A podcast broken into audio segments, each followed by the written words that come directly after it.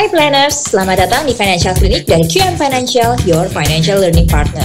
Di sini, kamu bisa belajar bareng tentang segala hal finansial dalam hidup kamu secara praktis, karena finance should be practical. Hai planners, kamu lagi dengerin Financial Clinic Podcast Series dari QM Financial bersama saya, Titi Syahrudin, salah satu trainer di QM Financial. Dan pastinya saya nggak sendiri, saya ditemanin sama Mbak Emi. Hai Mbak Emi, apa kabar? Halo. Hai hai halo Mbak Titis, kabar baik. Gimana aman di sana? Sini hujan baru saja lewat, jadi mudah-mudahan aman semuanya. Amin. Oke Mbak Emi, ini langsung aja ya. Kita mau membahas sesuatu yang pasti pernah dialami hampir sama semua orang. Rasanya sih semua orang pasti pernah ngalamin ya. Yaitu ngebahas utang Mbak Emi. Gimana Oke. nih caranya nih supaya merdeka dari utang? Karena eh, gue yakin sih orang pasti pernah ngutang walaupun cuma lima menit gitu ya. Karena kadang-kadang kita lupa bawa dompet gitu ya. Pernah ya waktu kecil gitu ya mau jajan eh dompetnya di kelas gitu ya. Ini pinjam uang dulu doang nanti gue bayar di kelas gitu itu kan utang ya udah udah jadi utang tuh ya. Nah itu tuh gimana nih mbak Emi? Kalau utang yang kayak gitu-gitu langsung lunas sih aman nah ini takutnya ada utang-utang yang gimana gitu loh mbak Emi. Yang bahaya atau yang apa? Nah trik-triknya gimana nih mbak Emi? Coba mbak Emi. Jadi orang tuh apa ya? Biasanya tuh utang tuh kenapa tuh? Oke, kenapa yang ngutang? Berarti nggak punya uangnya dong? Iya, kayak dompet tadi ketinggalan ya. Pas mau beli Iya. emang gak ada uangnya, dompetnya ketinggalan gitu ya. Iya, ki- kita ngutang karena memang nggak punya uang berarti untuk tadi eh, membeli kebutuhan, walaupun yang kebutuhannya kayak jajan gitu ya. Berarti kita ada suatu kebutuhan, kita nggak ada uangnya, kita minjem dulu. Tapi yang namanya minjem eh, nanti harus dibalikin dong gitu. Jadi kalau ditanya "Eh, gimana dong caranya lepas dari jeratan utang? Dibayar gitu ya. Kelar podcastnya ya kita ya. Nggak jadi nih bahas nih. Selesai gitu. Jadi kalau punya utang ya harus dibayar. Karena kita punya suatu kebutuhan. Eh kok ya pas nggak ada uangnya nih? Jadi kita minjem dulu. Kalau namanya minjem berarti nanti harus dikembalikan. Kalau yang namanya utang biasanya dibalikinnya pokok bersama dengan bunga.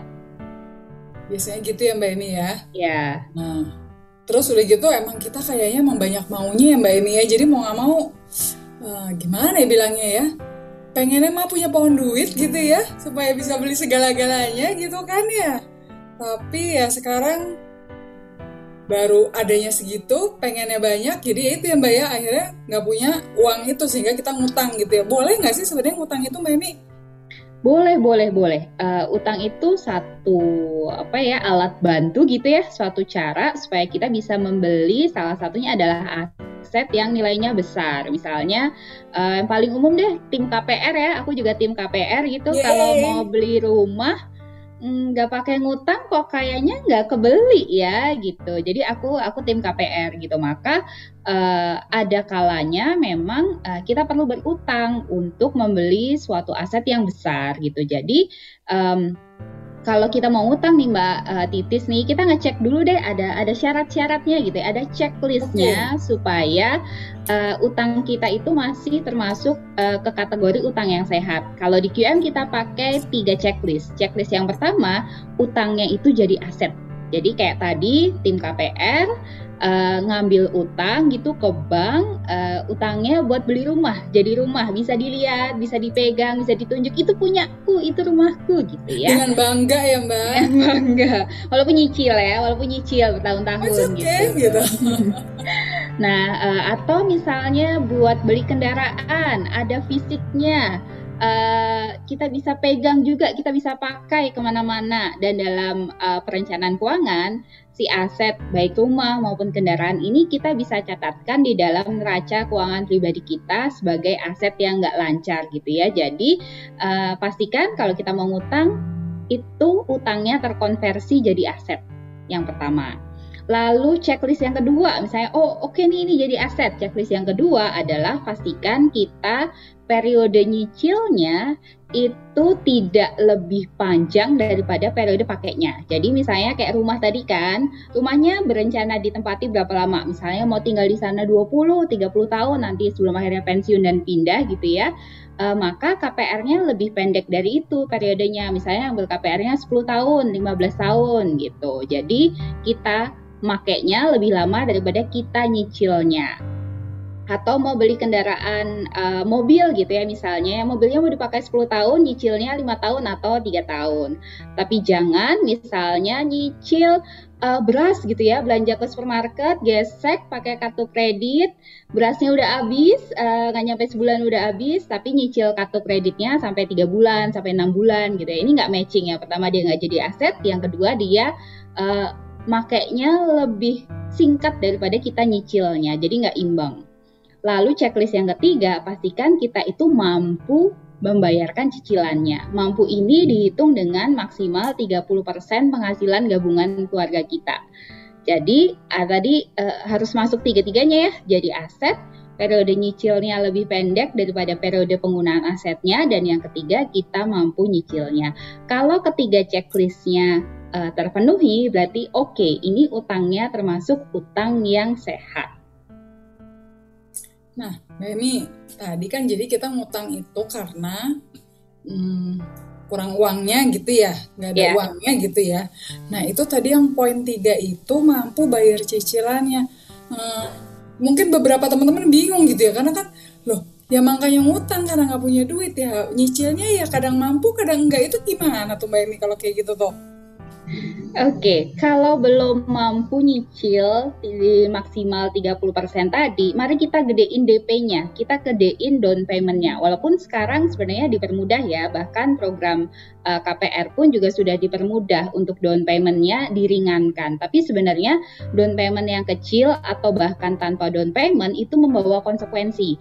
Kalau kita nggak membayarkan uang muka di depan, nanti cicilannya akan lebih besar dan jatuhnya tadi kalau ternyata lebih dari 30% penghasilan, maka sebenarnya kita itu belum mampu gitu. Jadi um, walaupun kita punya kebutuhan, mari kita cek juga ke kemampuan. Kalau memang kemampuannya belum nyampe, kita coba cari alternatif lain. Misalnya kalau memang belum mampu beli rumahnya uh, sekarang daripada dipaksakan dan nanti jadi uh, kredit macet, amit-amit ya, kotak meja gitu uh, mendingan kita cari alternatif yang lain dulu. Apakah kita ngontrak dulu sementara atau tinggal dulu sama orang tua atau tinggal sama mertua di pondok mertua indah gitu ya.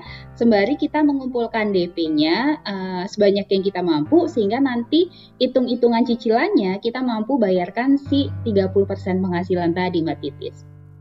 Oke, itu kan kalau untuk yang besar ya, benar-benar aset besar ya Mbak Emi ya.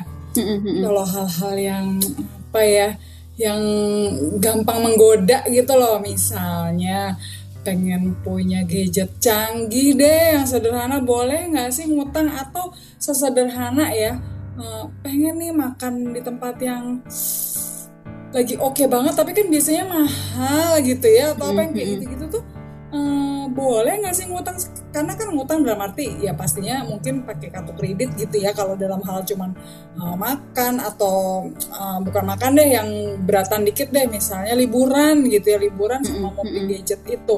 Itu kan berarti harus ngutang via kartu kredit misalnya kalau udah nggak sempat nabung karena alasannya macam-macam tuh biasanya kita godanya banyak-banyak kan ya. Soalnya ini karena baru keluar jadi promo diskonnya sekian persen bla bla bla bli bli bli gitu ya jadi bawaannya tuh pengen banget nih itu boleh nggak sih Mbak Emi ngutang-ngutang okay. kayak begitu tuh. Berarti untuk konsumtif ya. Kalau tadi kan yang kita iya. bahas rumah itu untuk sesuatu yang jadi aset, untuk sesuatu yeah. yang produktif. Kalau utang yang konsumtif gimana? Aku kalau untuk yang gadget uh, dicicil pakai kartu kredit, aku tim yang masih abu-abu mbak. Jadi aku uh, kalau beli gadget pakai uh, credit card gitu, kadang uh, dibayar lunas langsung, kadang aku pakai cicilan yang 0%, tapi nggak pernah mau bayar bunga ya, pasti pakai yang 0%, entah 0% 3 bulan, 6 bulan, 12 bulan gitu. Walaupun sebenarnya di tabungan ada dananya, tapi uh, buat nafas cash flow aja kalau bisa dibayar besok dan nggak pakai bunga ya aku akan milih bayar besok gitu ya. Uh, kan time value of money kan uh, nilai uang sekarang kan lebih tinggi daripada nilai uang nanti gitu kan. Jadi mendingan uh, aku cicil pakai yang 0% gitu walaupun sebenarnya ada dananya di tabungan.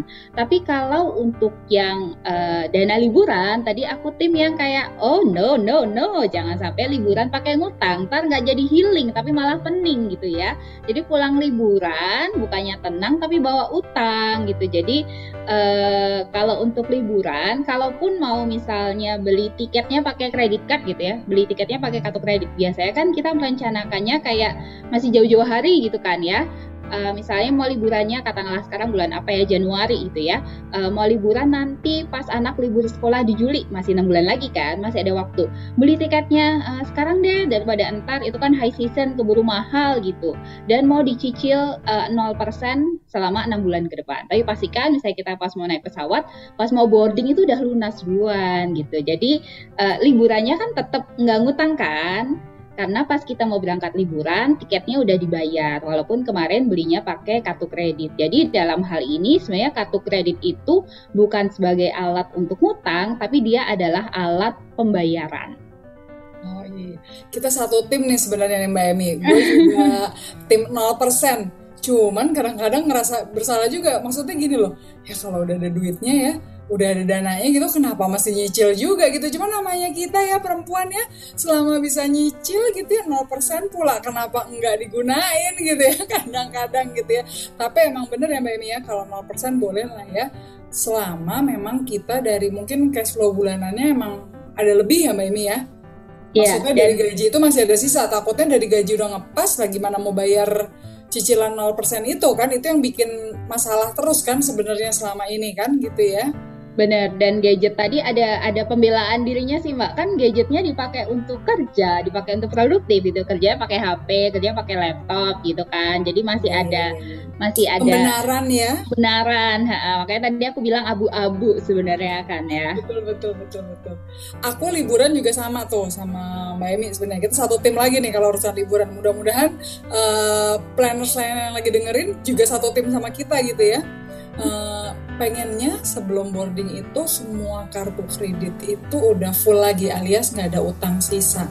Karena kalau alasan gue pribadi adalah takut aja kalau ada apa-apa di perjalanan terus kita nggak bawa cash ya memang bener-bener kartu kredit itu menjadi tanda petik gitu ya dana darurat ketika melakukan traveling. Karena kita nggak pernah tahu kan amit-amit gitu ya. Bisa aja yeah. kan tapi kita jatuh lagi traveling gitu. Ada di waktu itu temanku gitu lagi jalan-jalan ketawa-ketawa atau kan blinding di stasiun kereta api patah kakinya nah itu kan jadi dia harus extend oh, oh. atau apa gitu kan nah, yeah. itu untung kartu kredit gue full full dalam arti masih bisa digunain karena otomatis ya dia pakai itu untuk extend satu dan lain hal lah wah yeah. itu oke okay banget nah terus yang tren kedua nih mbak Emi hmm, ini sebenarnya curcol juga gitu ya curcol gitu soalnya gue sering banget dapet uh, apa ya kayak marketing telemarketing gitu ya yang nawarin uh, berutang tapi disuruh investasi abis itu. Gue pikir gini nih orang gimana ya? Gue harusnya kan tahu konsepnya gitu ya tapi ya uh, ya susah gitu karena itu akhirnya memang ada yang melakukan itu dan banyak hmm, kayak di daerah-daerahnya mbak Emi ya. Um, sorry saya nggak nyebut daerah cuman emang ada pemahaman bahwa kadang-kadang habis kalau nggak ngutang kita nggak bisa invest nggak punya emas. Sesederhana buat beli emas gitu ya. Bukan yang emas online itu ya tapi maksudnya yang emas perhiasan atau apa yang sederhana-sederhana gitu. Jadi bahwa memang ya harus ngutang mbak. Kalau nggak nggak nyoba-nyobain uh, investasi itu bisa nggak sih sebenarnya ngutang buat beli misalnya kripto atau apa gitu? Karena kan asumsinya, uh dia lagi gede nih lagi hits, FOMO banget deh pokoknya nggak mau ketinggalan. Tapi itu bener nggak sih sebenarnya? Uh, lompat ya jatuhnya ya. Kalau kita kayak ada uh, lima anak tangga atau 10 anak tangga gitu kalau investasinya pada uh, pakai ngutang itu kita kayak ibarat lompat anak tangga ntar bisa uh, bahasa Jawa itu gelebak gitu ya bisa bisa jatuh ke belakang gitu ya. Jadi uh, idealnya tentu saja kalau kita mau investasi itu memang uang yang uh, tidak dialokasikan untuk apa-apa gitu. Jadi kalau memang uh, saat ini keuangannya belum mampu ya nggak apa-apa dulu gitu. Jadi uh, nggak nggak usah investasi dulu sehatin aja dulu keuangannya. Berarti kan kalau belum mampu investasi keuangannya belum sehat dong ya. Dia masih masih bergelut dengan kebutuhan yang uh, hidup yang saat ini atau kewajiban cicilan yang lainnya gitu masalahnya adalah kalau kita um, jadi terjebak untuk utang buat berinvestasi, uh, ada ketidakseimbangan. Yang namanya investasi itu diliputi dengan ketidakpastian. Prinsipnya kan high risk, high return ya. Kalau kita mau dapat imbal hasil yang tinggi, kita harus siap dengan resiko yang tinggi.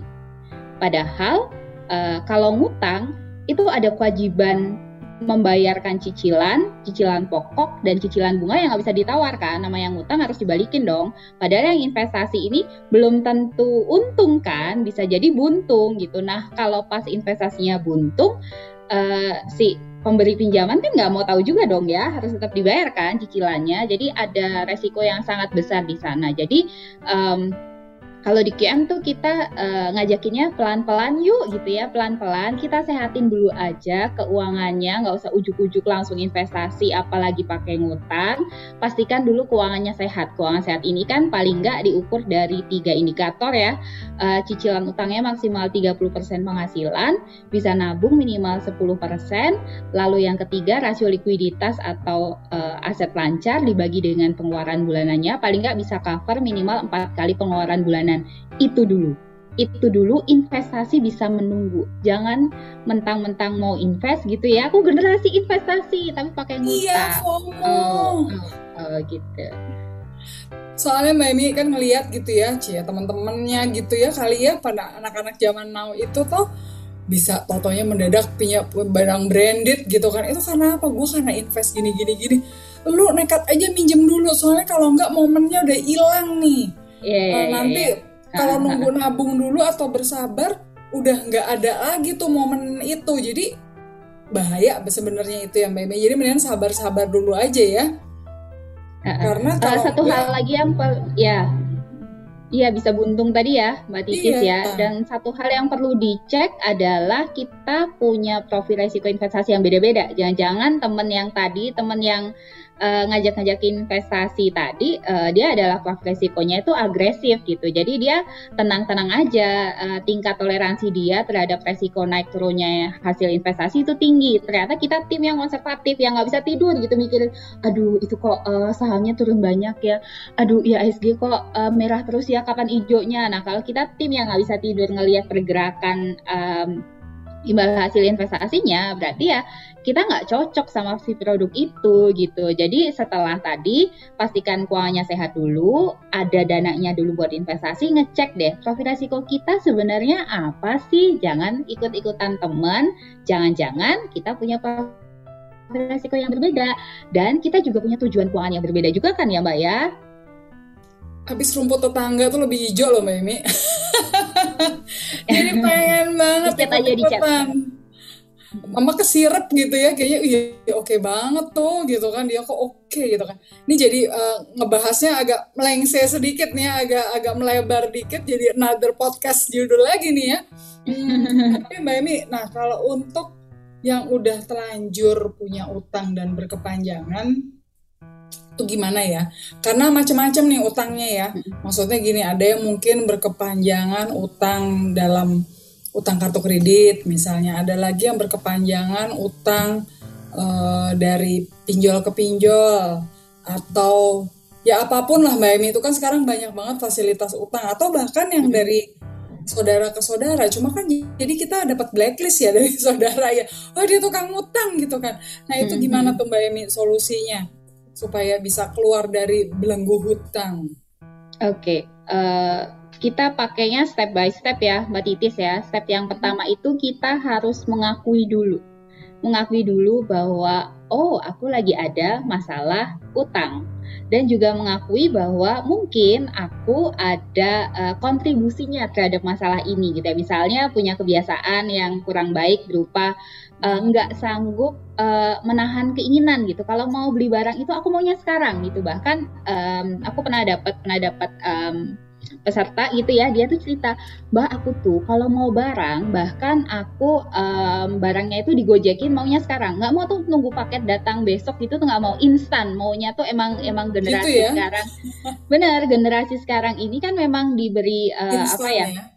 Kemudahan. diberi akses kemudahan yang sangat cepat sehingga mereka generasi yang jadi tidak bisa menunggu. Kok mereka ya entar judgmental uh, si si case ini ya dia dia mengakui bahwa aku tuh nggak bisa nunggu mbak gitu. Aku maunya beli tuh sekarang gitu. Berarti ada bagian dari kebiasaannya dia yang membawa dia sampai ke masalah yang sekarang sehingga akhirnya dia terbelit oleh utang itu dulu. Akui dulu bahwa ada masalah dan kita berkontribusi pada masalah itu. Hanya dengan melampaui langkah yang pertama ini kita bisa mikir follow up-nya gimana ya. Tapi kalau kita masih denial, enggak, enggak, ini tuh bukan salah aku. Emang kalau nggak ngutang itu tuh nggak bisa. Emang um, atau mungkin denialnya adalah dia tuh dapat warisan utang gitu ya dari dari keluarga. Ada ada beberapa case seperti itu gitu kan. Yang pertama akui dulu, sadari dulu.